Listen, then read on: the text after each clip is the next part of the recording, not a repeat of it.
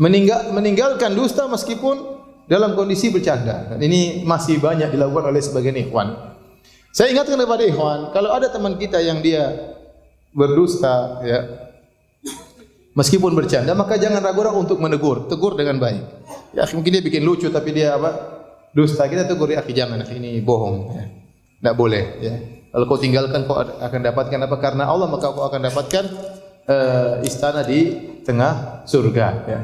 Maka kita latih diri kita untuk bersihkan lisan kita dari kedustaan dalam kondisi apapun, termasuk dalam hal candaan dalam hal candaan. Maka kita kalau tinggalkan karena Allah dapat istana di tengah surga.